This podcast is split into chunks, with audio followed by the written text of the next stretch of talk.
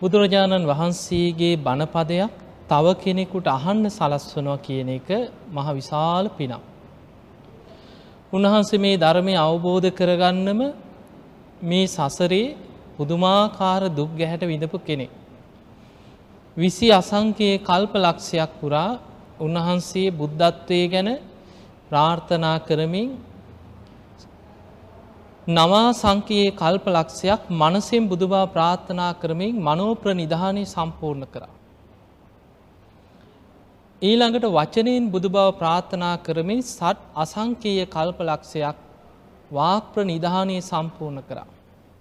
මේ විදිහට අසංකයේ දාසයකුත් කල්ප ලක්ෂයක් මනෝප්‍ර නිධානයත් වාක්‍ර නිධානයක් සම්පූර්ණ වනාට පස්සෙ තමයි දීපංකර පාදමූලයේ නියත විවරණ ලැබුවේ.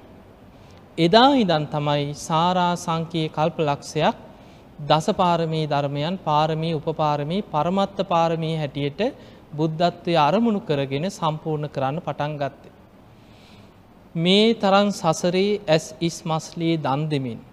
බුද්ධත්වය අරමුණු කරගෙන පුදුමාකාර වෙහෙසක් වීරියක් ජීවිත පරිත්‍යාගයක් සිදු කරලා බුද්ධත්වයට පත්වෙන්න දෙව්ලොව ඉඳම් මනුස්සලෝකයට වැඩම කරලත් මේ ජීවිතයේදිත් උන්වහන්සේ බුදු වෙච්ච ආත්මෙදිත් කොයි තරන් දුස්කරක්‍රියාවක යෙදුනද.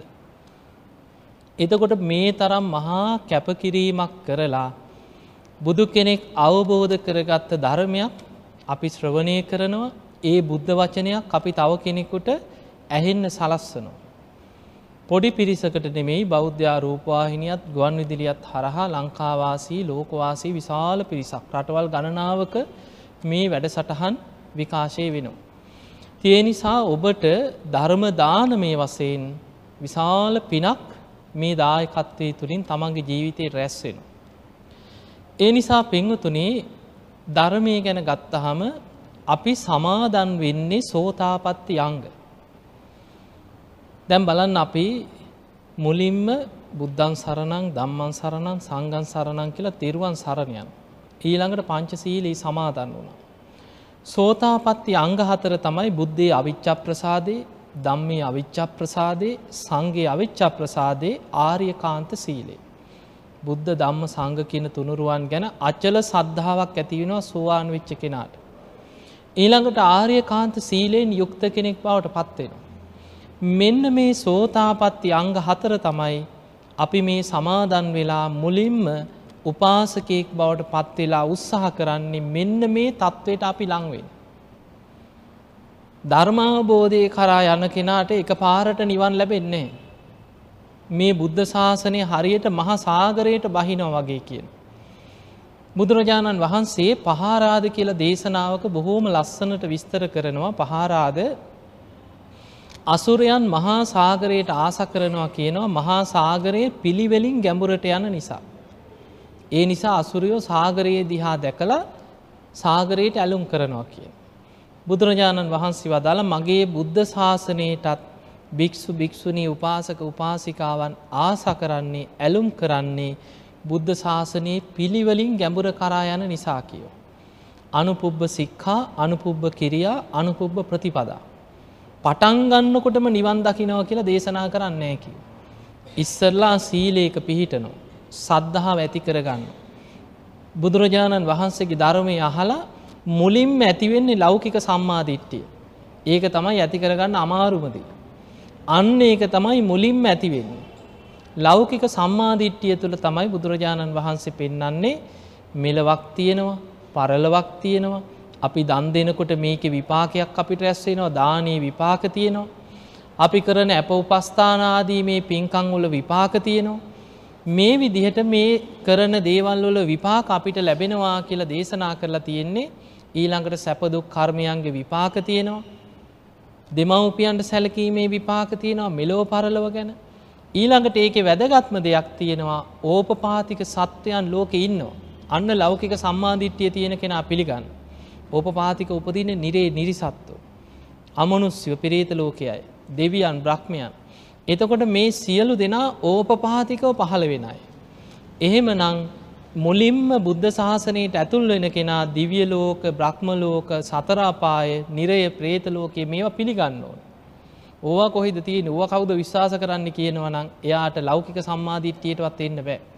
ඒක නා නියත මිත්‍යා දෘෂ්ටිකයෙක්. එයාට තෙරුවන් සරණ යන්න බෑ. එයා මුලින්ම බිමට වැටිලා ඉවරයි. ආයි සාසනයට බහින්න බෑ. ඒ නිසා පටන් ගන්න තැනම අපි පිරිසිදුව ලෞකික සම්මාදිට්ඨිය හදාගත්තේ නැත්නම් අන්න ඒ තුල තමයි බුදුරජාණන් වහන්සේ පෙන්නනවා මේ පිළිවෙලට බහින හැටි. දැන් සතර අපාය ගැන නිරය තිරිසන් ලෝකේ പ്രേත ලෝකේ අසුර අපාය ගැන පිළිගන්න කෙනා ලෞකික සම්මාදිට්ඨිය තුල මේවා පිළිගන්නකොට අන්න අපායේ බයක් උපදිනවා. මම මැරිලා කොහේ යයිද? මේ වගේ භයානක සසර ගමනක නේද මම යන්නේ කියලා අන්න අපායේ බයක් ඇති වෙනවා. ඒ අපායේ බයත් එක්ක ලෞකික සම්මාදිට්ඨියේ ඊළඟට කතා කරනවා දහවෙනියට තියෙනවා තමන්ගේ නුවණින් ජීවිතය අවබෝධ කරලා ප්‍රකාශ කරන ශ්‍රමණක් බ්‍රාහ්මණයන් ලෝකේ ඉන්නවා කියලා පිළිගන්න කියන. ඒ තුල තමයි තෙරුවන් සරණයන්.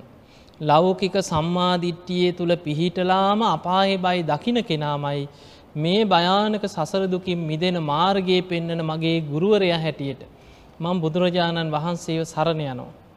ඒ මාර්ගයේ දේශනා කරන ඒ ප්‍රතිපදාව නිවන් අවබෝධ කරන වැඩපිළිවෙලක් හැටියට මම සරණ යනවා. ඒ මාර්ගය අමුණ අනුගමනය කළ ප්‍රතිඵල ලබපු ශ්‍රාවකයන්ව මං සරණ යනවා කියලා තුනුරුවන් සරණ යන්නේ මේ සතර අපාය ගැන පිළිගත්ත කෙන අපායෙන් මිදෙන අදහසි.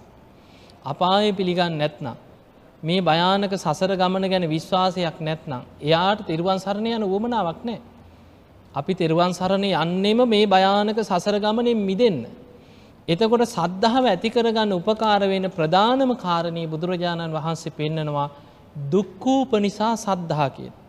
සද්ධාවට හේතු වෙන්නේ සංසාර දුක සංසාර බය ගැන ඇතිවෙන අවබෝධය. මේ සසර බය දකින කෙනාමයි තුනුරුවන්ගේ පිහිට පතන්න. සසර බය දකින කෙනාමයි භයානක සසරයෙන් මිදෙන්න තුනුරුවන් සරණයන්. එහෙමනම් මේ සසර බය ඇතිවෙන්නේ අර ලෞකික සම්මාධිට්්‍යය තියෙන කර්ම කරම්පල ගැන විශ්වාසි තියෙන කෙනාට. ඒ නිසා මුලින්ම ඇති කරගන්න දේ තමයි ලෞකික සම්මාධිට්්‍යිය. ඒ තුළ තෙරුවන් සරණ යන කෙනාගේ ඊළඟ ඉලක්කෙ තමයි ලෝකෝත්තර සම්මාධිට්්‍යිය කරායන්න මහන්සි ගන්න. දොට ලෞකික සම්මාධිට්්‍යයට එන කෙනා තමයි ලෝකෝත්තර සම්මාධිට්්‍යයට උත්සාහ කරන්න. ලෝකෝත්තර සම්මාධිට්්‍යය තමයි චතුරාරි සත්‍ය ගැන ඇති කරගන්න අවබෝධඥාන.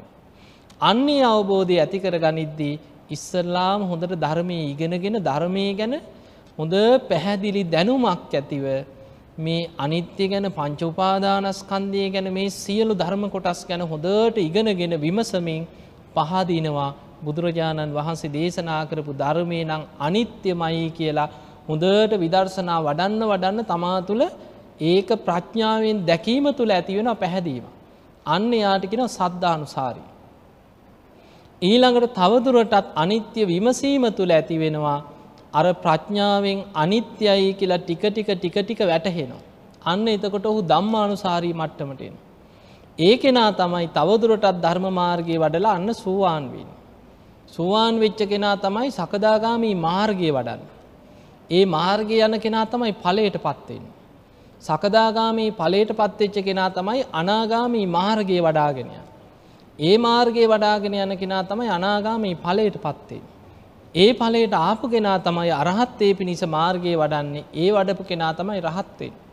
එතකොට මේක පිළිවෙලට යන දෙයක්. ඒ නිසා බුදුරජාණන් වහන්සේ වදාළා මේ බුද්ධ ශාසනයේ හරියට මහා සාගරයක් ගැඹුරට යනවා වගේ කිව්වා. ටික ටික ටික ටික පිළිවෙලින් තමයි කිව ගැඹුර කරා යන්නේ. අන්න ඒ නිසා පිංගතුනේ අපි බොහොම ක්‍රමානුකූලව ධර්මයේ කරා යන්න නිරවුල් නිවැරදි වැඩපිළිවෙලක් තුළ උත්සාහයක් ගන්නට ඕන. දැම් බලන්න බුදුරජාණන් වහන්සේ පෙන්නනවා මේ ලෝකයේ ඉන්න සියලූම මනුස්්‍යයන් කොටස් හතරකට බෙදනවා. ඒ හතර තුළ ධර්මාවබෝධය ලබන කොටස් තුනක්කින්න. උග්ගටි තඥෝ විපටි තඥෝ නෙය ඒ කොටස් තුනම ධර්මාවබෝධය ලබන අය. ධර්මාවබෝධය ලබන්න බැරි මිනිස් මේ ලෝකෙ ඉන්නවා. අන්නේ අයට කෙන පද පරම කියලා. එතකොට බුදුරජාණන් වහන්සේ මේ අය විස්තර කරනකොට පෙන්නනවා උග්ගටි තඥෝ කියලා කියන්නේ මේ සසරේ ධර්මාවබෝධ ඉලක්ක කරගෙන පින පුරාගත් අය කියන. දැන් අපි දන් දෙනවා. පින් කරනවා සිල් රකිනවා මේ බණහනෝ. දැන් ඔබ ධර්ම දේශනාවක් සිදු කරත් ඒකේ අවසාන ප්‍රාර්ථනය මොකක්ද? මේ ධර්ම දානමේ පිනෙන් අපිට නිවන් අවබෝධයම සැලසේවා. එතකොට අපි ප්‍රාර්ථනා කරන්නේ නිවන් අවබෝධය. නිවන අරමුණු කරගෙන අපි කරන හැම පිනක්ම ධර්මාවබෝධයට උපකාරක අංගයක් හැටියට පාරමිතාවක් හැටියට වැඩෙනවා. අන්නේ විදිහට පින් කරලා කරලා පින බලවත් කරගන්නට ඕන. ඒ නිසානේ බුදුරජාණන් වහන්සේ ධම්සභා මණ්ඩපේ බණ කියනකොට මේ හැමෝම නිවන් දැක්කේ නෑනේ. සිය දහස් ගණන් බණ ඇහුවත් බුදුරජාණන් වහන්සේ ධම්සභා මණ්ඩපේ වැඩ ඉඳලා බලනවා කවුදාද ධර්මය අවබෝධ කරගන්න පින්වන්තම කෙනා කියලා මුලින්ම බලනවා. අන්නේ කෙනා ඉලක්ක කරගෙන තමයි දහම් දෙසන්. උන්වහන්සේ මහා කරුණා සමාපත්තියෙන් ලෝකෙ දිහා බලනවා හිමිදිරි උදෑස්සනින්ම කවුද මේ ධර්මය අවබෝධ කරගන්න අය. අද දවසේ බුදු ඇසට පෙනෙන්නේ පින පිරිච්ච කෙනා කවුද. ඒ කෙනා හොයාගෙන යන සමහට යොදුන් ගණන් උන්වහන්සේ පයින් වඩිනවා එක්කෙනෙක් දෙන්නෙක් වෙනුවෙන්. එතකොට අපිට පේනවා බුදුරජාණන් වහන්සේගේ බුදු ඇසට යොමු වෙන්නත් සසරේ ධර්මාවබෝධය පිණිස කරපු පින බලවත් වෙන්නට ඕන. එහෙම නැත්නම් ජේත වනේ ළඟ හිටියත් බණහන්න හිත නැමෙන්නේ. ධර්මාවබෝධ ඉලක්ක කරගෙන පින් කරගත්ත කෙනාටම තමයි ධර්මයට ආසහිතෙන්. ධර්මය අහන්න වුවමනාව ඇතිවෙන්. ධර්මය ඇහෙනකොටම ධර්මාවබෝධයට හිත නැඹුරු වෙලා මම මේ ධර්මය කරා යන්න ඕනෑ කියන හැඟීම ඇතුළෙෙම්ම හදවතින්ම උඩට එන්නේ සසරේ ධර්මාවබෝධය පිණිස උත්සාහගත්ත කෙනාට විතරයි. එතකොට මෙවැනි පුද්ගලයන් උග්ගටි තඥ කියන මේ පුද්ගලයන් සසරේ ධර්මාවබෝධය පිණිස පින පිරිච්චාය ඒ අයට කෙටියෙන් ධර්මය කිව්වත් ඇති කියනවා. දැන් බලන්න උපතිස්ස කියන තරුණයා සාරිපුත්ත හාමුදුරන්ගේ ගිහි ජීවිතයෙන් උපතිස්සනේ නම. එදා ධර්මයක් හොයාගෙන නගරේ ඇවිද ඇවිද ගියා. බලන්න සසරේ මේ ප්‍රඥාව දියුණු කරලා බණහල ධර්මයේ නුවණින් විමසලා තිබ්බ වැටහීම කියන්නේ තරුණ කාලේ උපතිස්ස කෝලිත යාළුවෝ දෙන්න නිතර යනවා නැටුම් සංදර්ශන සංගීත සංදර්ශන බලන්න. මේ උත්සවයක් නැටුම් සංදර්ශනයක් නිතර නගරේ තියෙන උත්සවයක් බලන්න ගිහින් බලාගෙන ඉන්නකොට ඉතින් නටනවා නටනවා නටනවා. දැන් පින වැඩෙනකොට තේරෙනවා මොනවද මේ අපි බලාගෙන ඉන්නේ? මේ කුණු වෙලා යන ශරීර නේද මේ උඩ පනින්නේ? තමන්ටම තේරෙනවා මොනවද මේ මුලාව. මේවා වැටහිලා වැටහිලා ඒ දිහා බලාගෙනම දෙන්නම තීරණය කරා අපි මේ බලන නිස්සාර දේවල් පේනව නේද මේ කුණු ශරීරවල මේ යථාර්ථය අවබෝධ කරගන්න නැතුව මිනිස්සු මේ කරන කියන දේවල්. අපි මීට වඩා වෙනත් ගැඹුරක් හොයාගෙන යන්න ඕන කියලා දෙන්නම පිටත් වෙලා ගිය. ගිහිල්ලා හොයාගෙන හොයාගෙන ගිහිල්ලා සංජයේ පරිබ්‍රාජකය ළඟ කාලයක් තවුස්දම් පිරුව හරියන්නේ නෑ. තමන්ට අවශ්‍ය කරන වැඩපිළිවෙල එතනින් ලැබෙන්නේ. ඊට පස්ස එතනිනුත් හොයාගෙන හොයාගෙන ධර්මය හොයාගෙන දෙපැත්තකට ගියා යාලුව දෙන්න. කාට හරි ඉස්සරලා මුණ ගැහුණොත් ඊළඟ කෙනාටත් ඇවිල්ලා කියන්නම් කියන පොරොන්දුව පිට. මෙහෙම අද්දි තමයි අස්සජී මහරහතන් වහන්සේ වැඩම කරනවා දැකලා ඒ ඉරියව් දැකලම පැහැදුනා. අර නම් බොහෝම නිවිච්ච කෙනෙක්. බොහොම සංවර කෙනෙක්. හොඳ ධර්මයක් අවබෝධ කරගත්ත කෙනෙක් විය යුතුයි ගිහිල්ල වන්දනා කරලා කියනවා ස්වාමීණී ඔබහන්සේගේ ගුරුවරය කවුද. ඔබහන්සේ මොන ධර්මයක් අනුගමනය කරන්න. ඔබහන්සේට පුළුවන් දැහුව මට ඒ ධර්මය කියලදෙන්. එතකොට අස්සජී මහරහතන් වහන්සේ කින මගේ ගුරුවරය තමයි කිව භාකිවත් බුදුරජාණන් වහන්සේ. උන්වහන්සේ වැඩ ඉන්නවා කිව රජගහනුවර වේලු වනාරාම. හැබැයි මම ගොඩාක් නම් ධර්මය දන්නේ නෑකිව දන්න ටික කෙටියෙන් කියල දෙන්නක්. එතකොට තමන් අවබෝධ කරගත්ත ධර්මය හකුලවලා කෙටියෙන් කියනකොට පද හතරක ගාථාවකින් කීවේ. හැබැයි හතරම ඇහෙන්න පෙර ගාථාවේ පද දෙකක් ඇහෙනකොටම සෝවාන් වුණ. දැන් බලන්න ඒ දම්මා හේතු පබවා තේ සංහේතු තතාගතුවාහ. තේ සංචයෝ නිරෝධෝ ඒවංවාදී මහා සමනු මේ පටිච්ච සමුපාදය හකුලෝල තිබ්බ ගාථාව. හැබැයි මේ ගාථාවේ පද දෙකක් ඇහෙනකොටම සෝවාන් වුණා. එහෙම සෝවාන් වෙන්න පුළුවන් වුණේ පෙර සසරේ ප්‍රඥා පාරමිතාව දියුණු කරලා දියුණු කරලා මුදුම් පත් වෙලා තිබ්බ නිසා. උන්වහන්සේ ප්‍රඥාවන්තයන්ගෙන් අග තනතුර ලබන්න සසරේ ප්‍රඥා පාරමිතාවම දියුණු කරගෙන ආපු කෙනා. එහෙම කෙනාට ගාථාවේ පද දෙක ඇහෙනකොටම සෝවාන් වෙන්න පුළුවන්කම ලැබුණ. එතකොට ඒ වගේ අපි දන්නවා මේ බුද්ධ ශාසනයේ බුදුරජාණන් වහන්සේ කෙටියෙන් බණ කියනවා. හකුලවල කියනවා. ඒ කෙටි සතර පද ගාථාවක් කෙටි ධර්ම දේශනාවක් එවැනි පුංචි බණ ටිකක් ඇති ඒක නුවනින් විමසලා ධර්මය අවබෝධ ලබ නයින්න. අන්නේ වැනි අයට බුද්ධ ශාසනය හඳුන්වනවා උග්ගටි තඥූ කෙනා කියලා. ඊළඟට තවත් ඉන්නවා ධර්මාවබෝධයට සසරේ පින් කරගත්ත අය. එවැනි අයට කෙන විපටි තඥු. හැබැයි අර උග්ගටි තඥ කෙනා තරම්ම පින්කරපු කෙනෙක් නෙමෙයි. හැබැයි නිවන් දකින්න පුළුවන්. ඒ කෙනාගේ ඉන්ද්‍රිය ධර්ම තාම වැඩෙනවා. හැබැයි බුදු කෙනෙකුට තියෙනවා ඉන්ද්‍රිය පරෝ පරියත්තේ ඥානේ. අන්නේ තුළින් බුදුරජාණන් වහන්සේ ඒ කෙනාව අඳුනගන්නවා මේ කෙනාට දීර්ඝ වසයෙන් ධර්ම දේශනා කරොත් අර ඉන්ද්‍රිය වැඩිලා පරිපූර්ණත්වයට පත්වෙන. බුදුරජාණන් වහන්සේ විපටිතඥූ කෙනාට දහම් දෙසන්නේ මුලින්ම ඔහුට කරන්නේ පිළිවල කතාව කියන. දාන කතා, සීල කතා, සග්ග කතා, කාමානං ආදීනවා, නයිස්ක්‍රම්මය ආනිසංස. මෙහෙම පිළිවල කතාවක් තියෙනවා. ඉස්සල්ලාම දානය ගැන කියන. ඊළඟට සීලේ ආනිසංස සීලේ වටිනාකම ගැන බණ කියන. ඊළඟට සග්ග කතාගෙන සුගතිය ඉපදීම. පින් දහම් කළ සුගති යන ආකාරය ගැන. කාමානං ආදීනවා මේ පංචකාමයන්ගේ ආදීනව පැත්ත. නයිස් ක්‍රම්මය ආනිසංස කියන මේ පංචකාම සම්පත් අතහැරීමෙන් ලැබෙන අනුසස්. මේ ගැන පිළිවල කතාව කරගෙන යනකොට අර විපටි තඥෝ කෙනාගේ හිත නීවරණ යටපත් වෙලා ධර්මාවබෝධයට එකඟ වෙනවා කිය. බුදුරජාණන් වහන්සේ ඒ පිළිවල කතාව කරද්දි හැම වෙලාවෙම ඒ කෙනාගේ හිත පිරිසිඳ බලනවා දැන් ධර්මාවබෝධයට හිත සකස් වෙනවද දැන් සකස් වෙනවද කියලා බුදු ඇසින් පිරිසිඳ බලමින් තමයි පිළිවල කතාව කරන්න. මෙහෙම පිළිවල කතාව කරගෙන යනකොට ධර්මාබෝධයට ඔහුගේ හිත ගානට සකස්වේගෙන එනකොට බුදුරජාණන් වහන්සේ සාමුක්කන්සික දේශනාව කරනවා. සාමුක්කන්සික දේශනාව කියන්නේ දීර්ඝ දේශනාවක් චතුරාරි සත්‍ය ඇතුළත් බුදු කෙනෙක් පමණක් සිදු කරන දීර්ගම දේශනාව තමයි සාමුක්කන්සික දේශනය. ඒ දේශනාව අවසන් වෙනකොට ඒ කෙනා තුළ නීවරණ යටපත් වෙලා සාමුක්කන්සික දේශනාව තුළ සප්ත බොජ්ජංග වැඩෙනවා කිය. දේශනාව අවසන් වෙනකොට ධර්මාවබෝධි ලැබෙනවා. හැබැයි ඒ පුද්ගලයෝ දෙන්නම පහළ වෙන්නේ බුදු කෙනෙක් තමයි අඳුනගන්න. බුදුරජාණන් වහන්සේට තමයි ඉන්ද්‍රිය ධර්ම බලලා ඉලක්කෙට බණ කියන්න පුළුවන්. එතකොට උග්ගටි තඥ විපටි තඥ කියන අය අද එවැනි දියුණු අයි හිටියත් හරියට ඉලක්කෙට අඳුනගෙන කොහොමද කවුද දන්නේ. හරි ගාථාව දෙන්න. දැම් බලන්නකෝ චුල්ල පන්තක හාමුදුරු. තමන්ගේ අය රහතන් වහන්සේ නමක් මහා පන්තක රහතන් වහන්සේ. එක ගාථාවක්කත් කටපාඩන් හිටින්න. පද හතර කටපාඩන් කරගෙන යනකට අන්තිම පද දෙක ආයි සහිපත් කරනකට මුලටික අමතකයි. කොයි තරං උත්සාහ කරත් එක ගාථාවක් කටපාඩන් කරගන්න බැරි වුණ. අන්තිමට මහා පන්තක රහතන් වහන්සේ තමන්ගේ මයියා පුදුම උපදෙසත් දුන්න.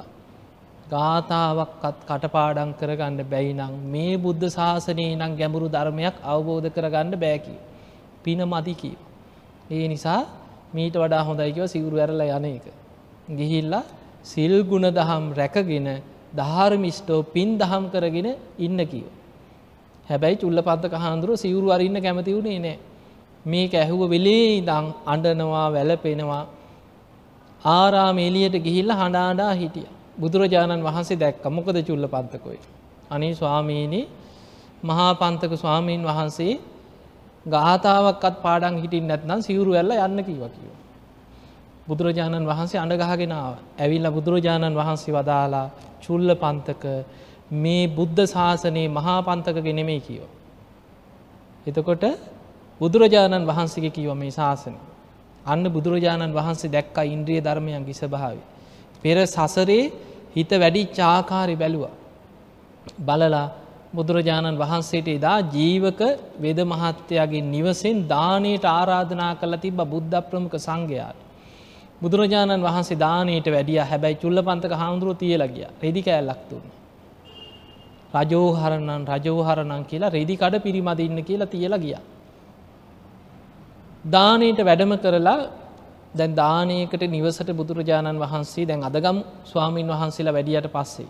ඉස්සල්ලාම සාංගීක කරලා ඒ වගේ බණ ටිකක් කියලා ඊට පස්සෙන දාන බෙදන්නෙන ඒ වගේ බුදුරජාණන් වහන්සේ අර නිවසට වැඩම කරලා ජීවක විද මහත්ය ඇතුළු මේ පිරිසට අනුශාසනා කරලා බුක්තානුමෝදනා ධර්ම දේශනා කළ දැන් දානි බෙදන්න හදනකොටම බුදුරජාණන් වහන්සේ පාත්තරේ වැැහු අති. ජීවක වෙද මහත්තයට හිතුන අනේ ඇයි මේ අපේ දානි අඩුවක්කත් වෙලාද බුදුරජාණන් වහන්සේ වදාලා තව එක නමක් ඉන්නවා කිව ආරාම. අන්න යාඩුයි කියව. ගිහින් එක්කරගෙන එන්න කිය. ඉක්මනට කෙනෙක් ඇරියා. යනකොට එක නමක් නෙමෙයි සිය දහස් ගානක් ඉන්නව හැබැයි එකම විදිහට. එකම රූපේ එක්කෙනෙක් සක්මන් කරනවා එක්කෙනෙක් ඉඳගෙන භාවනා කරනවා එක්කෙනෙක් සිවුරු අනනවා තව කෙනෙක් අතුගානවා එක එක ඉරියව්වේ. ආපහු දුවගෙනාව අනේ ස්වාමීනී භාග්‍යතුන් වහන්ස එකම එක්කෙනා එක ඒක විදිහට හැම තැනම ඉන්නවා කිය. බුදුරජාණන් වහන්සේ වදාලා ඔබ ආයමත් යන්න කිය. ගිහින් අහන්න කිව කවුද චුල්ල පන්තක කියලා. සිය දහස් ගානක් හිටියත් එක්කෙනෙක් කතා කරයි කියව මමයි චුල්ල පන්තක. අන්නේ කෙනාගේ අතින් අල්ලගන්න කිය. එතකොට අර සියල්ල අතුරු දහන් වෙයි එයාව එක්කරගෙන එන්නකි.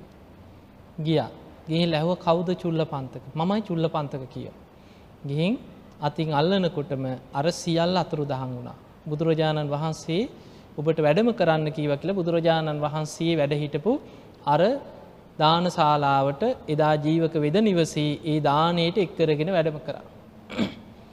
ඒ වෙලේ දානය වලදන්න පෙරම බුදුරජාණන් වහන්සේ වදාලා මහනෙන මේ තමයි කිව මගේ බුද්ධ ශාසනයේ මනෝමය ශරීර මවන භික්‍ෂූන් වහන්සේලාගෙන් අග්‍රම කෙනා අග්‍රස්ථානයක් දුන්න.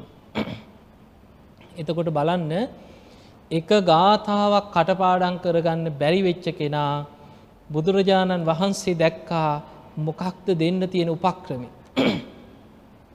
අර රජෝහරණං කියලා රෙදි කෑල්ලක් පිරිමැදලා ඒ තුළ අනිත්‍ය මෙනෙහි වෙලා මනෝමය ශරීර මවන භික්‍ෂූන් වහන්සේලා අතරින් අග්‍රස්ථානය ලබා ගත්තා. රහත් වුණා. එතකොට බලන්න ඒක ඒ විදිහට කෙනෙක් දිහා ඉලක්කෙට බලල බණ කියන්න පුළුවන් බුදුරජාණන් වහන්සේට විතරයි. ධර්මය තියනවා දැන් ධර්ම සේනාධිපතිනි සාරිපුත්ත හාමුදුරුව සාරිපුත්ත හාමුදුරුවම තමන්ගේ ශිෂ්‍ය භික්ෂුවකට උපදෙස් දෙනවා දෙනවා දෙනවා එක ඒක භාවනාවල් කියලා දෙනවා ධර්මාවබෝධය ලැබෙන්නේ. එක්කරගෙනාව බුදුරජාණන් වහන්සේ ළඟට. එක්කං ඇවිලකින ස්වාමීනී මං මේ භික්ෂුවට මේ මේ විදිහට ධාතු මනසිකාරය අනිත්‍ය සංඥාව ඒ වගේම අසුභ භාවනාව භාවනා ගණනාවක් තුන්නයිකි. ඒත් ධර්මාබෝධය ලැබෙන්න ඇකි. බුදුරජාණන් වහන්සේ බැලුව බලනකොට මේ පිළිකුල ගැන වඩන්න දුන්නට පෙර සංසාරය රන්කරුවේ ආත්ම ගණනාවක් තිස්සේ මේ බොහොම ලස්සන රත්තරංවලින් නිර්මාණ කරපු රන්කරුව. ඔහුගේ හිත සකස් වෙලා තියෙන ක්‍රමේ බුදුරජාණන් වහන්සේ දැක්ක. අන්නේ දිහා බලල බුදුරජාණන් වහන්සේ උපදෙස් දුන්නා ඒ සුළු උපදේශයෙන් රහත් වුණා. ඒ වගේ තව සිදුවීමක් තියෙනවා ඒ වගේ වෙලාවක ඒත් ඔය වගේම එක්කරගෙන ආපු වෙලායි බුදුරජාණන් වහන්සේ සාරිපුත්ත හාමුදුරන්ගෙම ගෝලේ. බුදුරජාණන් වහන්සේ මේ ගෝලයට කියනවා මම මේ සාරිපුත්තයන් වහන්සේ සමඟ ටිකක් කතා කර කර ඉන්නකං ඔබ යන්න කීව ජේතවන පොකුණ ළඟට ගිහින් ඉන්න කිය පණ විඩියක් එවන්නම් කිය. දැම් මේ භික්‍ෂුව බුදුරජාණන් වහන්සේ මට පස්සේ උපදෙස් දෙයි කමටහන් දෙයි කියලා හිතාගෙන ගියා ජේතවන පොකුණ ළඟට ඒක තමයි කමටහන්. පොකුණ ළඟට යනකොට පොකුණේ ලස්සන මලක් තියෙන. නෙලුම් මලක්. මල දිහා බලාගෙන හිටිය. බුදුරජාණන් වහන්සේ වෙලාවේ මධිෂ්ඨාන කරා මේ මල බලාගෙන ඉන්න ඇද්දි හේමම කුණු වෙලා එතනම වැක්කෙරෙනවා පේන. සැනින් අධිෂ්ඨාන කළ මේක පේන සැලැස්ව. ඒක හිතට අරගෙන හේම වාඩි වුණ. වාඩි වෙලා අනිත්‍ය වසයෙන් මෙනෙහි කරා මගේ කයටත් මේ ඉරනමමනේ දත්වේ. අර මල පරවෙලා යන ආකාරය කයානුව ගලපා බලමින් භාවනා කරා සුළු වෙලාවකින් රහත් වුණ. බුදුරජාණන් වහන්සේ සාරිපුත්ත හාමුදුරුව එක ගන්ධ කුටිය කතා කර කරන්න බුදුරජාණන් වහන් සාරිපුත්ත හාමුදුරන්ට දාව සාරිපුත්ත දැන් ඔබේ අර ගෝල භික්ෂුවට දැන් හරි කිවන්න කියන්නකි. අන්න ධර්මාවබෝධි ලැපිලා. එතකොට බලන්න ඒ වගේ පුද්ගලයාගේ ඉන්ද්‍රිය ධර්ම අඳුනගෙන ඉලක්කෙට දහම් දෙසන්න පුළුවන් බුදුරජාණන් වහන්සේට පමණයි. උන්වහන්සේ අද නෑ. හැබැයි උග්ගටි තඥ විපටි තඥ කෙනෙක් අද හිටියත් අදත් නිවන් දකින්න ක්‍රමයක් තියෙනවා අපිට. ඒ තමයි නෙය්‍ය පුද්ගලයන් ධර්මාවබෝධය කරා යන ක්‍රමේ. එතකොට නිවන් අවබෝධ කරන පුද්ගලය තුන් දෙනෙක් ඉන්න. ඔග්ගටි තඤ්ඤ, විපටි තඤ්ඤ, නෙය්‍ය. එතකොට අද අපිට ඉතුරු වෙලා තියෙන්නේ ධර්මය. ධර්මය තුලින් නිවන කරා යන ක්‍රමේ සාස්ෘන් වහන්සේ පිරිනිවන් පාලා. එතකොට අපි ධර්මය ඇසුරු කරගෙන නිවන් දකින ක්‍රමේ තමයි නෙය්‍ය පුද්ගලයන් ධර්මාවබෝධය කරා යන ක්‍රමේ. මේ ක්‍රමේ හොඳට තේරුම් ගන්න. බුදුරජාණන් වහන්සේ වදාළ නීය පුද්ගලයා ධර්මාවබෝධය කරා යන්නේ සුතා හොඳට ධර්මය අහන්නට ඕන. දතා ඇසූ ධර්මය ධාරණය කර ගන්නට ඕන. වචසා පරිචිතා. ඒ ධර්මය නිතර නිතර වචනයෙන් පුරුදු කරගන්නට ඕන. මනසානුපෙක්කිතා. ඒ පුරුදු කරගත් ධර්මය නිතර නුවනින් විමසන්නට ඕන. අන්න එහෙම විමස විමස යනකොට ඒක තමයි භාවනාව. යෝනිසෝ මනසිකාරයේ දෙනවා. නිතර විමස විමස බලනවා දිට්ටියා සුප්පටි විද්දා තමන්ගේ දෘෂ්ටිය ධර්මාවබෝධයට නැඹුරු වෙලා සම්මාධිට්ටියට හැඩගැහෙන. අන්න අදාපිට ධර්මය කරා යන්න තියෙන ක්‍රමේ.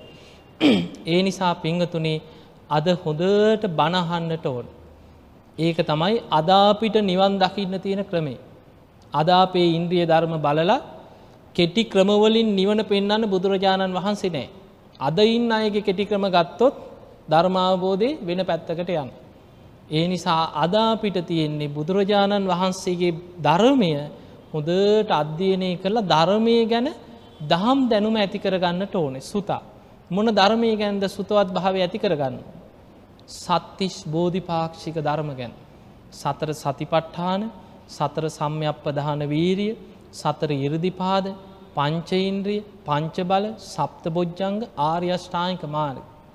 මෙන්න මේ බෝධිපාක්ෂික ධර්මයන් ගැන අපි හොඳ ශෘතවත් භාවයක් ඇති කරගන්න දැන් එදා තිබ්බේ සුතා විතරණ ඇසීමක් විතරයි. ඒ නිසයි සුතා කියලා තියෙන දැන් එදා පොත්තොල්ල ලියලා තිබෙනෑන් ඔය මාතලි අලවිහාරයේදී ග්‍රන්ථහරූඩ කරේ බැමිණිතියා සායෙන් පස්සෙන මේ ඇතිවෙච්ච නියගෙන් පස්සේ. එතකම්ම මේක කටපාඩමෙන් දරාගෙන තමයි ධර්මය අරගෙනාව රහතන් වහන්සේල්. එදා බණ ඇසීමක් තිබ්බේ. හැබැයි අද ඔබට හොඳ ශෘතවත් භාවයක් ලැබෙන කාලයක්. දැන් ඔබ හිතන්න ඔබේම මිය පරලවගේ ආච්චිල සීයල ගැන හිතන් අම්මල තාත්තල ගැන හිතන් මීට අවුරුද් දහයකට පහලොකට කලින් මිය පරලෝගයාන. ඒ අයට මෙහෙම බණක් අහන්න මේ රටේ තිබ්බද වාසනාවක් ඒ කාලි. තිබ්බෙ නෑ ඉස්සර දන්නේ නෑ පිරිත් පොතයි ජාතක පොතයි විතරයි දන්නේ. පිරිවානා පොත් වහන්සේ ජාතක පොත් වහන්සේ. එකල බරනැසනුර බ්‍රහ්ම දක්ත රජ්ජුරුව ගැන විතරයි යහලතියෙන්. ජාතක කතාවක් විතරයි. ඉස්සර බණක් වුණත් ගියේ එක ගුවන් විදිලි ඇතිබ රජය ගුවන් විදිලිය. ඒකත් අහුවෙන්නේ නෑ. පෝයට විතරයි බණක් යත්. පෝය ධර්ම දේශනාව කිය. අද එහෙම නෙමෙයි අද පැය විසි හතරම බණ යන නාලිකා දැම් බොඩිස් චැනල් එක පැෑ විසි අතරම් බණහන්පු. අනිත් හැම එෆම් නාලිකාවකම ධර්ම දේශනා ධර්ම සාකච්ච බලන්නක පෝයට කොහෙට කැරකුවත් හැමේකීම බණන. අද බණපොද්ද කැසර්ද සීඩීද කොච්චර තියෙනවාද. අන්තර්ජාලයට ගියත් ධර්ම දේශනා ඕන තරම් ගන්න පුළුව. එතකොට ධර්මය ඉගෙන ගන්න කෙනෙකුට අද ඕන තරං ධර්මය ඇසෙනවා ශෘතවත් භාවය ඇති කරගන්න ඕන තරම් අවස්ථා තියෙන. ඊළඟදේ තමයි දතා ඒ අහන ධර්මය ධාරණය කරගන්න ඕන තමා තුළ ගබඩා කරගන්න ඕන. මතකතියාගන්න. ඇසූ ධර්මය ධාරණය කරගත යුතු දතා කියන්නේ. ඊළඟට වච සහ පරිචිතා වචනයෙන් පුරුදු කරන්න කියන. අන්න අපිට අද නිවන් දකින්න තියෙන ක්‍රමේ. නිතර වචනයෙන් පුරුදු කරන්න සජ්්‍යායනා කර කර පුරුදු කරන්න කිය. බුදුරජාණන් වහන්සේ පෙන්වා අසජ්්‍යාය මලාමත්තා. නිතර සජ්්‍යහයනා නොකරනකොට ඒ මතකය කියන එක මල බැඳෙනවා කිය. දැම් බලන්න අපි යමක් නිතර නිතර සිහි කරන්න සිහි කරන්නනේ අපිට ඒක අලුත්තෙවී අලුත්තෙවී තවදුරටත් ගැබුරෙන් වැටහින්නේ. අපි ඒක කාලයක් අතහැරල දැම්මට පස්සේ කාලයක් යනකොට මල බැඳෙන අමතක වෙලාය. ඒ නිසා නිතර නිතර සජ්්‍යහයනා කරන්න. ඔය නිකං ඉඳගෙන හිටියත් මේ ඇස අනිත්‍යයි කනානිත්‍යයි නාසය අනිත්‍යයි දිවානිත්‍යයි කයානිත්‍යයි මනසානිත්‍යයි මේ පංච උපාදානස්කන්දය හටගන්න මෙහිමයි පටිච්ච සමුපාද මේ විදිහට හැදෙන්නේ ඔය සියල්ල සජ්්‍යහයනා කර කර නිකං වචනයෙන් කිය කියා හරි ඉන්න. ඒක තමයි නිතර නිතර ධර්මය තමා තුළට කාවදින ක්‍රමයක්. සජ්්‍යහයනා කරන්න කිය. එතකොට ඉස්සර තිබ දැන් අද බුරුමේ වගේ රටවල තියෙනවා. වනපොත් කරනවා කියලා මේ ත්‍රිපිටකේ කටපාඩන් කරන. එදා කටපාඩමින් අර ගෙනාව. එතකොට ඒ සජ්්‍යායනා කර කර කටපාඩන් කරනකොට තමා තුළම ඒ සියල්ල මතක තියෙන ඕනම වෙලාවක තමන්ට ධර්මය සිහි කළ මතක් කරගන්න පුළුවන් මතක ශක්තියක් තමා තුළ ගොඩ නැගෙන. එහෙම නැත්නම් ප්‍රශ්නයක් ආපුගම පොත හොයන්න එපෑ. පොට ආක්ක පිටින් පෙරල පෙල්ල පොත හොයන්න. ඒ නිසා තමා තුළ ධර්මය ගබඩා කරගන්න කියන නිත. අන්න අදා අපිට නිවන් දකින්න තියෙන ක්‍රමේ සුතා හොඳට බණහන්නට ඕන දතා ඇසූ ධර්මය ධාරණය කරන්නට ඕන වචසා පරිතිතා නිතර වචනය පුරුදු කරන්න ඕන. ඊළඟට දැන් වචනයෙන් පුරුදු කරලා කටපාඩමින් දරාගෙන ඉන්න ධර්මය මනසානුපෙක්කිතා අන්න නුවනින් විමසන්න කියනවා. ඒක තමයි යෝනිසෝ මනසිකාරය කියලා කියන්න. මනසානුපෙක්කිතා.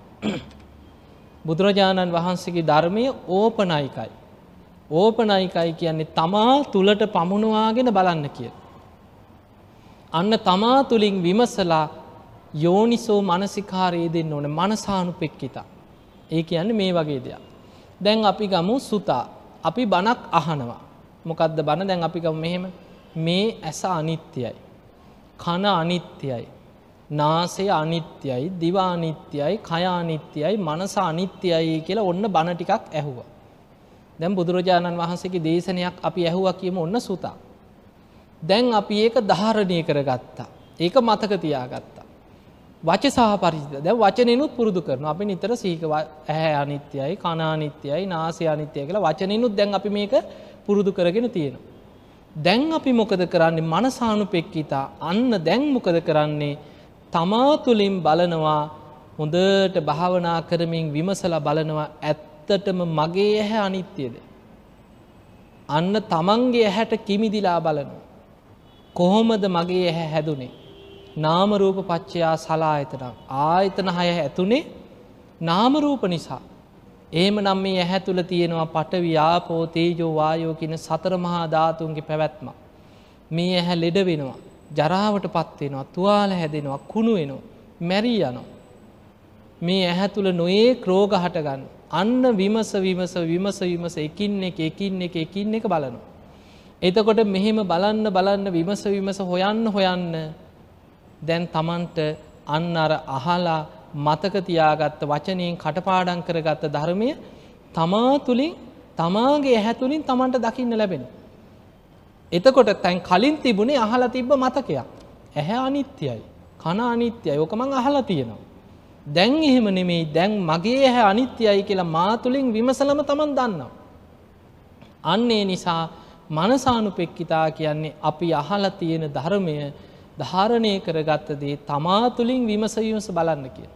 ඒ බලනකොට ඇස කණනාසේ දිවකය මනස කියන ආයතන හයත් ඒ ආයතන ඔස්සේ හටගන්න පංච උපාදානස්කන්දයනුත් ඒ පංච උපාදානස්කන්දය ගැන අවිද්‍යාවත් තන්හාවත් නිසා පටිච්ච සමුපාදය හැදෙන ආකාරයත් විමස විමස තමා තුළ ක්‍රියාත්මක වෙන ආකාරය දකින්න ඕල්.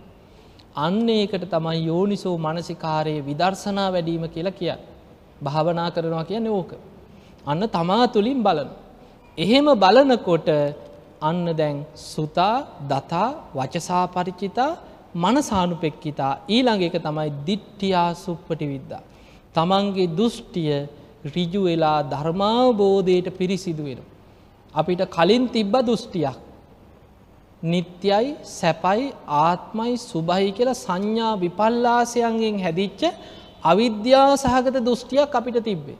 ඒක තමයි අපිට කලින් තිබ්බ දෘෂ්ටිය. ඒ දෘෂ්ටිය පිරිසිදු භාවයට පත්වෙනවා තමාගේ ඇස කණනාසේ දිවකය මනස අනිත්‍යයි කියලා තමා තුළින් විමසන්න විමසන්න අර තිබ්බ වැරදි දෘෂ්ටිය නැති වෙලා තමන්ටම ඇති වෙනවා නිවැරදි දෘෂ්ටියක් මේ ඇහැ අනිත්‍යයි. මගේ ඇස දුකට අයිති දෙයක්. මේක හේතු නිසා හටගෙන හේතු නැති වෙනකොට නැති වෙලා යන දෙයක්. මම මගේ කියලා පිළිගන්න බැරි දෙයක්.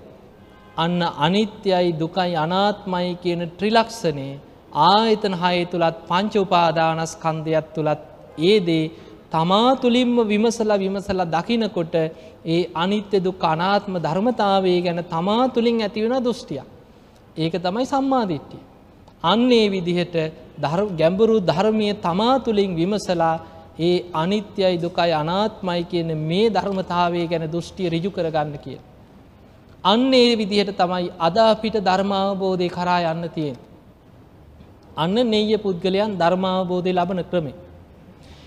ඊළඟට බුදුරජාණන් වහන්සේ වදාළ පද පරම කියලා කෙනෙක් ගැන. ධර්මාවබෝධය ලබන්න බැරි අයින්නවා ලෝක. ඒ පද පරම කියන කෙනා බුදුරජාණන් වහන්සේ පෙන්වත් දුප්පඥෝ හෝති ප්‍රඥාව දුරුවල කෙනෙක් කිය. ඒ ඇන කියන දේ විමසල තේරුම් ගන්න බැරි කෙනෙ ප්‍රඥාව අඩුයි කිය. නුවන නෑ. ඊළඟට ජලෝ ඒල මූගෝ කියන කෙලතොලොයි කියනවා. මන්ද බුද්ධිකයි සිහිනුවන අඩුයි කිය. එතකොට කෙලතුළු දැකලා ඇතින කෙල පෙරාගරීම මන්ද බුද්ධික සිහි කල්පනාව අඩු සිහිනුවන අඩු අයින්න උපතිීම. එවැනි කෙනෙකුට මේ ධර්මය අවබෝධ කරන්න බෑ. හැබැයි එවැනි කෙනෙකුට තමයි නිවන් දකින්න බෑ කියලතිය. අනිත් කෙනාට වීරියවන්ත උත්සාහය නුවන තියෙන කෙනාට වීරියෙන් ධර්මය පුරුදු කරගත්තො ධර්මාවබෝධය ලබන්න පුළුව. ඒ නිසා පිංහතුනේ පද පරම කියලා ධර්මාවබෝධය ලබන්න බැරි අයි ලෝක ඉන්නවා. ඒ අයි ඉතාම සුළු පිරිසයි.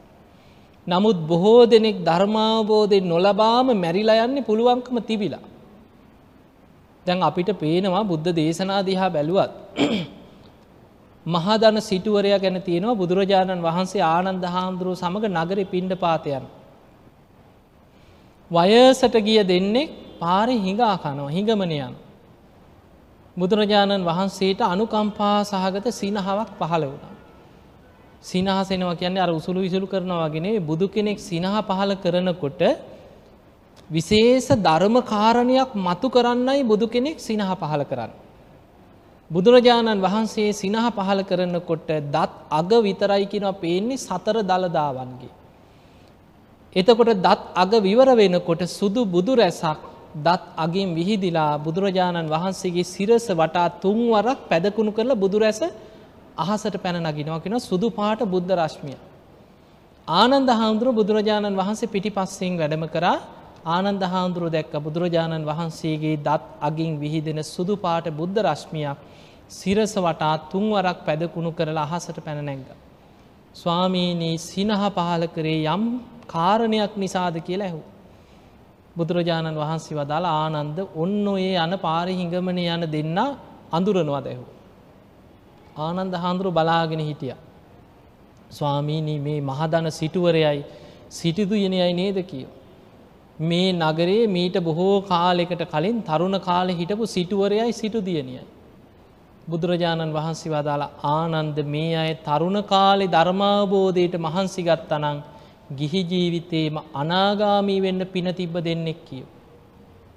මැදි වයසේදී ධර්මාවබෝධයට මහන්සිගත් අනන් සකදාගාමී වෙන්න මහන්සි පින තියෙන දෙන්නෙක් කියව මහන්සි වුණාන.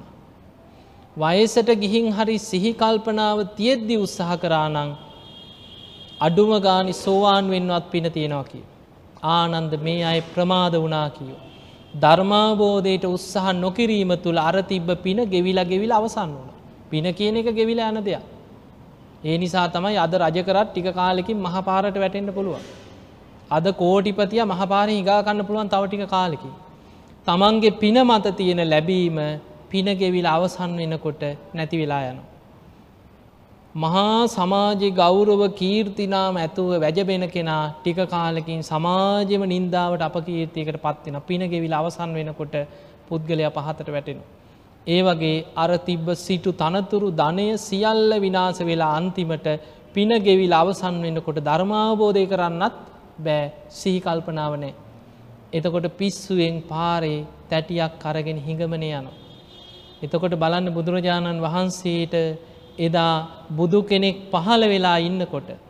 ඒ නගරේම හිටපු මහදන සිටුවරයයි සිටු දියනියයි ගිහි ජීවිතය අනාගාමී වෙන්න තරම් පිනතිබිලත් ඒ පින මතු කරගන්න බැරුව පාරේ සිහිකල්පනාව නැතුව හිඟමනය ගිය සිදුවීන් තියෙන.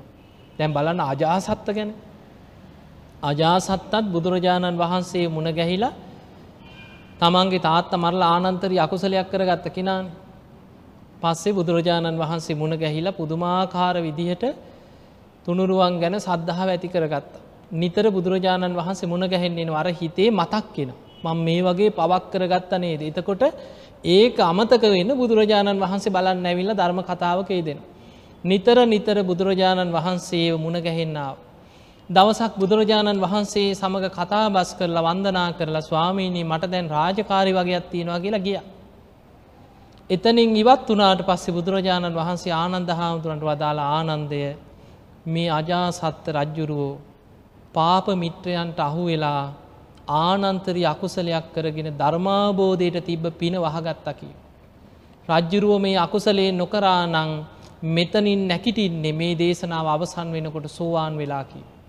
එතකොට බලන්න සෝවාන් වෙන්න පින තිබ්බ රජ්ජුරුවෝ එදා පාපමිත්‍ර සේවනය නිසා ආනන්තරය අකුසලයක් කරගෙන අදටත් නිරේ පැහෙනවා කල්පයක් නිරේ සෝවාන් වෙන්න පින තිබ්බ කෙනා. එතකොට අපිට පේනවා ධර්මාවබෝධයට උත්සාහ නොකිරීම නිසාම බොහෝ දෙනෙක් හිස් සතින් මැරිලා අපායවල් වලට වැටෙන. හිතන්න අපේම පවුල්ලොල නිවන්දකින් අඩුගානෙ සුගතියක හරියන්න පින තිබ්බ බොහෝ දෙනෙ. කොච්චර ඇති අදත් පෙරේත ලෝකෝල තිරිසන් ලෝකොල අපායවල් වලනේ වීරිය නොවැඩීම නිසා. ඒ නිසා අප්‍රමාදීව ධර්මාබෝධයට ලොකු වීරියක් ගන්න. මේ යන රටාවෙන්ම නං ඔය බණකුත් අහනවා රටේ ප්‍රශ්නයි කුණු ගොඩවලුයි ඔක්කෝම ඔළුවට දාගෙන. හරි හම්බ කරගන්නවා ව්‍යාපාරයි ගෙවල් දොරල ඔක්කෝම ප්‍රශ්නත් මැද්දේ. ඉඳලා හිටලා ඔය බණත් දහමක් අහනවා අපිට බැරිය පස්සේ බැරිය දැන් අපිට වෙලාවක් නෑ වකොයි කරන්නද කියලා ඔහොම ඉඳලා කලාතුරකින් බණක් අහලා මෙහෙම ධර්මය වඩාගෙන සුගතියක යන්න අමාරුයි. ඒ නිසා පිංහතුනේ නිතර නිතර ධර්මයම සිහි කරලා ධර්මානුකූල පරිසරයකට ඇතුල්ලේ. අඩුගාන එක පාරට අමාරුනන් නිතර බණ අහන්නවත් පුරුදුවෙන්. ගෙදරෝය රූපවාහිනීවල ටෙලිනාට්‍යයයි චිට්ටපටි එක එක කුණු වැඩ සටහම් බලන එක නවත්තලා පුළුවන් තරම් පැවිසි හතර බුඩිස් චැනල් එක හරි දාගෙන ඉන්න. අර බණ ඇහෙනකොට ඇහෙනකොට ඇහෙනකොට කාලයක් යනකොට ඔළුවට මේවා ටික ටික යනවා. තමන් දන්නෙම නෑ හොඳ දහම් දැනුමක් තමන්ට ගොඩ නැගිලා. එහෙම දහම් දැනුව තමන්ට හැදෙනකොට දහම් දැනුම තමන්ට ගොඩනැගෙනකොට තමන්ගේ හිත ධර්මාවබෝධයට ටික ටික ටික ටික නිකම්ම සකස් වෙලා යනවා. අන්නේ නිසා පිංගතුනේ හොඳට බණහන්න අද අපිට ධර්මය අවබෝධ කරන්න තියෙන ඔය ක්‍රමයට සුතා හොඳට බණ අහන්නට ඕන දතා ඇසූ ධර්මය හොඳට ධාරණය කරගන්න ඕන වචසා පරිචිතා. ඒ ධර්මය හොඳට වචනයනුත් පුරුදු කරගන්නට ඕනෑ. මනසානුපෙක්කිතා නුවනින් විමසමින් තමන්ගේ ජීවිතයට ගලපා බලමින් භාවනා වඩන්නට ඕන. දිට්ටියා සුප්පටි විද්දා අන්න එතකොටයි සමන්ගේ සම්මාධිට්ටිය මේ සම්මාධිට්ටිය ධර්මාබෝධයට නැඹුරු වෙලා වර්ධනය වෙලා ධර්මාබෝධය ලැබෙන්. ඒම නම් පින්වත් හැම දෙනාම දැඩි අධිෂ්ඨානයක් ඇති කරගන්න මේ ලැබිච්ච මනුස්ස ජීවිතය දවසින් දවස මොහොතින් මොහොත ෂනයෙන් ෂනය ගෙවි ගෙවි අවසන් වෙන. කවද කොතන කොයි මොහොත හුස්මටික අයිද කියලා අපි කාටවත් කියන්න පුළුවන්කමක් නෑ. බැරි වෙලා හරි හුස්මටික ගියොත්. හිතාගෙන ඉන්නවා දැන් ඇහුවොත් කියයි අපි අවුරුත් අනේ කොහොමහරි සුවාන් වෙන්නවත් ඕන. හැබැයි අපේ පවුල්ලොල් මැරෙන තරමක් මැරුණි සෝවාන් වෙලාද. ඒ අදහස හිතේ තිබුණා. හැබැයි ඒක කරගන්න උත්සාහය නැතුව පස්සට දදා හිටියා. පස්සේ බැරිය වැඩ වැඩි දැම් බෑ පස්සෙ කරනවා අද අමාරුයි කම්මැලි පස්සේ සිල් ගන්න පස්සේ භාවනා කරනවා කියක හිටිය. පස්සට දදා ඉඳලාර බාලගිරි දෝසි වගේ එකක් තිබ්බා. දන්නෙම නෑ මරණය ලං වෙනක. අන්නේ නිසා බුදුරජාණන් වහන්සේ මරණ සතිය පෙන්න්නන්නේ මරණ සතිය හිතන්න කියන මම දැම්මැරුණොත් කොහේ අයිද. ඒ විදියට හිතන කෙනාට තමයි අප්‍රමාදීව ධර්මය දියුණු කරගන්න පුළුවන්කම ලැබෙන්. එහෙම නං ඔබ හැම දෙනාටම අප්‍රමාදීව සද්ධාදී ගුණ ධර්ම දියුණු කරගෙන ධර්මාවබෝධය පිණිසම මේ ධර්මානු ශාසනාමය පින ඔබ හැම දෙනාටම උපකාර වේවා කියලපි ආශිර්වාද කරනවා.